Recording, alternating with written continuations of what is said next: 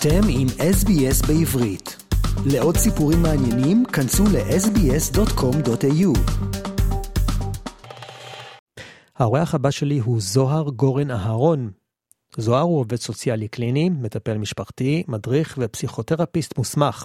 יש לו רקע מקצועי עשיר במסגרות טיפוליות, אקדמיות ופרטיות. עם זוהר נשוחח על ההשפעות שיש למלחמה בחיילים ובאזרחים כאחד. שלום זוהר. שלום עמית, תודה שאתם uh, מארחים אותי.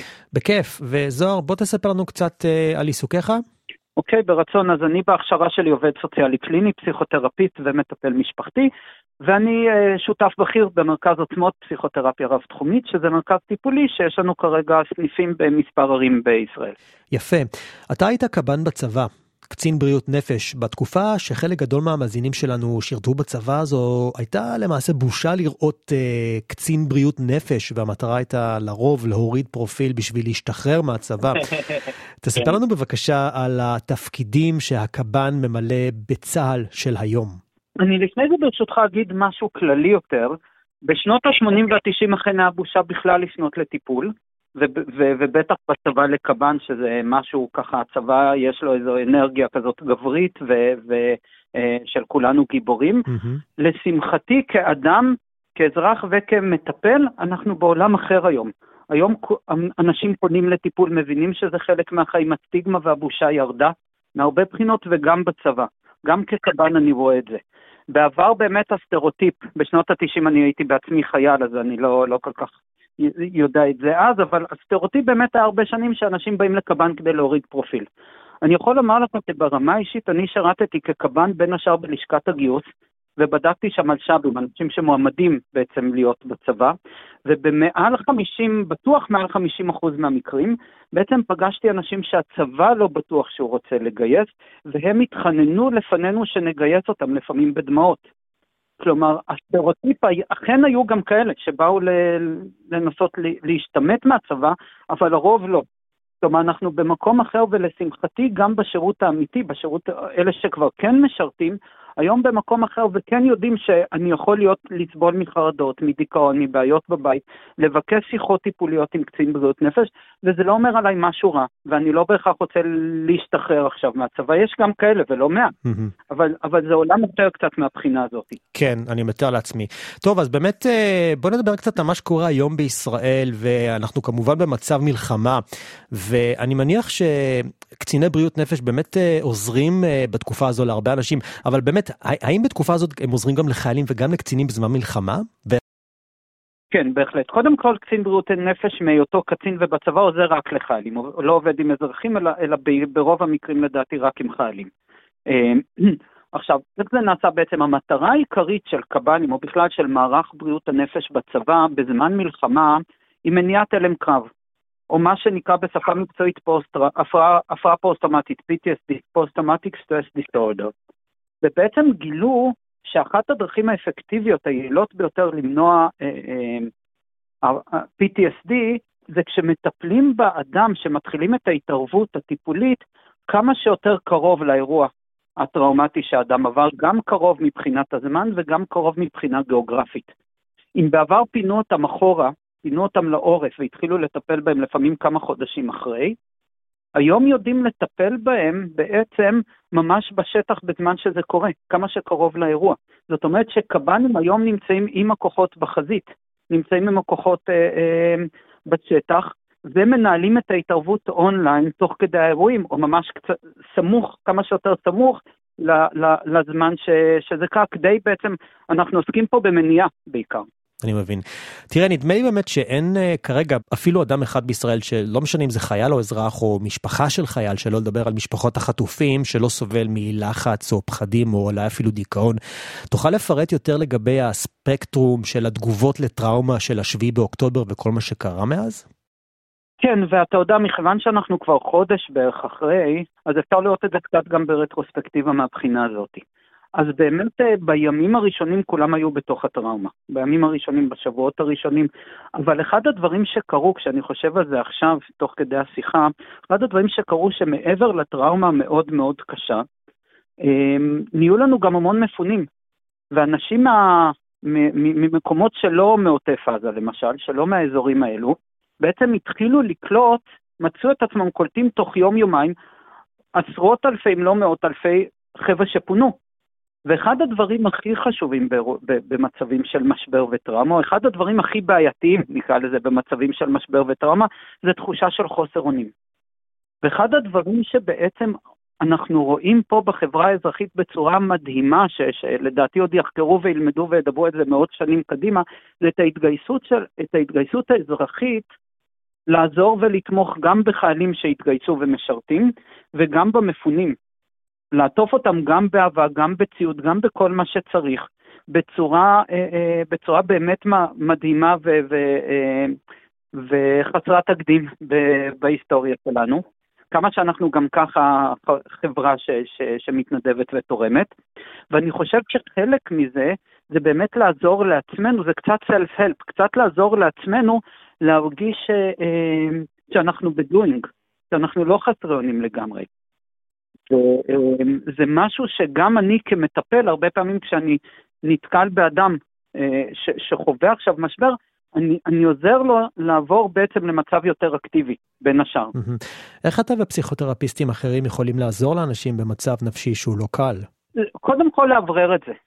לעזור לו ולעשות ונטילציה, לדבר על זה, לתת לו לגיטימציה לבטא אם זה פחד, אם זה עצב, אם זה צער, אם זה מצוקה. אה, כלומר, הדיבור עצמו הרבה פעמים עוזר. השיקוף של הרגשות בעצם, שבעצם לעזור לו להבין מה הוא מרגיש לגבי זה. זה כבר מאוורר ומשחרר קצת. ואם זה לא איזשהו מצב פתולוגי באמת שאדם ב- ב- מפתח איזושהי הפרעה נפשית במצבים יותר קיצוניים, אז באמת מהמקום הזה להגיד, אוקיי, האירוע הבעייתי באמת קרה ועדיין קורה לצערנו, זה עוד לא נגמר, בוא נראה איפה אתה ממוקם בתוך זה.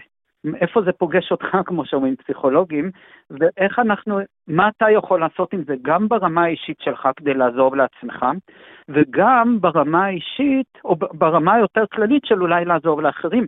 עכשיו, אחד הדברים שאנחנו כן אומרים לאנשים היום, זה תחזרו לשגרה שלכם כמה שאפשר, אלה שלא מגויסים, אלה שלא נמצאים בצבא, תחזרו לשגרה שלכם כמה שאפשר, אם זה למקומות העבודה, אם זה... אה, אם זה לתחביבים או עיסוקים, וכן לאנשים יש לפעמים רגשות אשמה. מישהו אומר לי, יש, יש כל כך הרבה הרוגים ואני הולך לחדר כושר, ואני אומר לו, כן.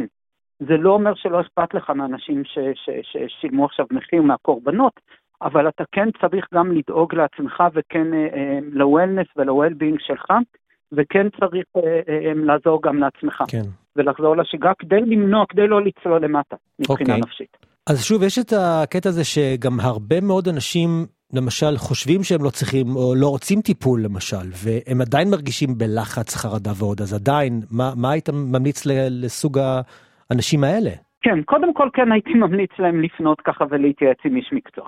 מעבר לזה, אני חושב שהייתי ממליץ להם גם אה, מבחינה, כמו שאמרתי קודם, כן לנסות לחיות את החיים שלהם כמה שאפשר.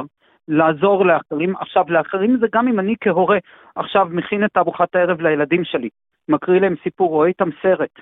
אז, אז כמובן אני עושה משהו שקצת מוציא אותי מזה, וגם משהו בשביל מישהו אחר, חיצוני לי. וכמובן לראות איך אני יכול לעזור קצת מבחינה יותר חברתית, למפונים או לחיילים יותר בהתנדבות. עוד משהו שאנחנו אומרים לכולם וממליצים לכולם, לצרוך כמה שפחות חדשות. כן, לראות כל שעה מה קורה וכן הלאה, אבל אני חושב שלפחות בימים הראשונים כולם היו מרותקים למסכים ולא יכלו לעזוב, וזה גרם לאנשים למצבים נפשיים לא טובים. אז אני אומר, תתנתקו קצת מהמסכים, תתנתקו קצת מהחדשות ומהאקטואליה, ותעשו עוד דברים.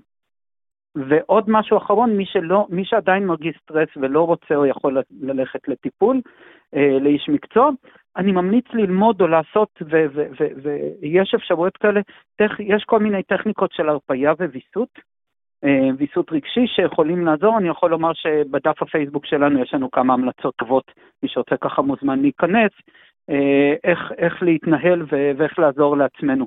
בתקופות האלה. כן, גם ישראלים ויהודים שחיים מחוץ לישראל עוברים תקופה מאוד לא קלה קודם כל הדאגה האינסופית אה, למה שקורה בארץ, ובנוסף גילוי אה, אנטישמיות, אלימות והפגנות מטורפות נגד ישראל, ככה שמעולם באמת אה, לא חווינו לפחות לא במערב. איך נוכל להתגבר על כל הפחדים האלו, הדאגות, החרדות וכולי? אני חושב שכמו שמתגב... שאמרתי לגבי כל משבר, קודם כל לוודא מה אני מרגיש ואיפה זה משפיע עליי, לטוב ולרע. ואיפה זה פוגש אותי ואיפה זה ככה מבחינת הרגשות שלי והמחשבות שיש לי לגבי זה וכן הלאה. דבר נוסף, בטח קהילות שנמצאות לא בישראל, לא להיות לבד, לא להישאר לבד עם המחשבות והרגשות האלה. למצוא את המקומות שבהם אני כן יכול להרגיש יותר קהילתיות, יותר peer uh, group, יותר קבוצת שווים, יותר ככה uh, אנשים שהם כמוני, שיכולים ככה לחוות איתי ולהדהד לי את המחשבות והרגשות שלי, שאני לא ארגיש לבד. והדבר האחרון, כמו שאמרתי, לנסות לעבור מבינג לדוינג. אוקיי, יש את זה, מה אני יכול לעשות? החל מלראות איך אני מגן על עצמי, שומר על עצמי וכיוצא באלה, וכלה בהסברה כזאת או אחרת. אבל אה, כן לעבור למקום קצת של... אה, אמרתי קודם, אני חושב שאחת הבעיות הכי קשות באירועים משברים, ובטח באירועים טראומטיים, זה תחושת חוסר האונים. ואת זה אנחנו רוצים לנסות לפתור דרך עשייה. דרך, דרך, בעצם לחשוב, אוקיי, יש את המצב הקשה הזה, איך אני יכול להתנהל בתוכו? במובן, גם, גם במובן הרגשי וגם במובן האקטיבי. אני אומר עוד משהו בהיבט הזה, שזה לא שאני אומר עכשיו חלילה במובנים מיל, מילוליים, אבל אצלנו במרכז עוצמות למשל, במרכז הטיפולי שלנו, יש לנו טיפול באמצעות אמנויות לחימה, מרשל ארטס תרפי. ובעצם הטיפול הזה לא בא ללמד אנשים להרביץ מכות כמובן, אבל הוא כן בא בעצם לעזור לאדם להרגיש יותר ביטחון עצמי, ויותר התפתחות אישית, ויכולת לנהל משברים אישיים בחיים רגשיים, דרך בעצם הכלים שנותנת אומנות, אומנות לחימה. אז אני, כמו שאמרתי, אני לא אומר עכשיו רוצו כולם ללמוד אומנות לחימה שתלכו מכות, אבל אני כן אומר, תמצאו את המקום שיכול לחזק את הביטחון העצמי והאישי שלכם, לאו דווקא במובן הפיזי, אלא בעיקר במובן הנפשי. גם פיזי זה בהחלט יכול לעזור, אבל אני מדבר פה על הנפש.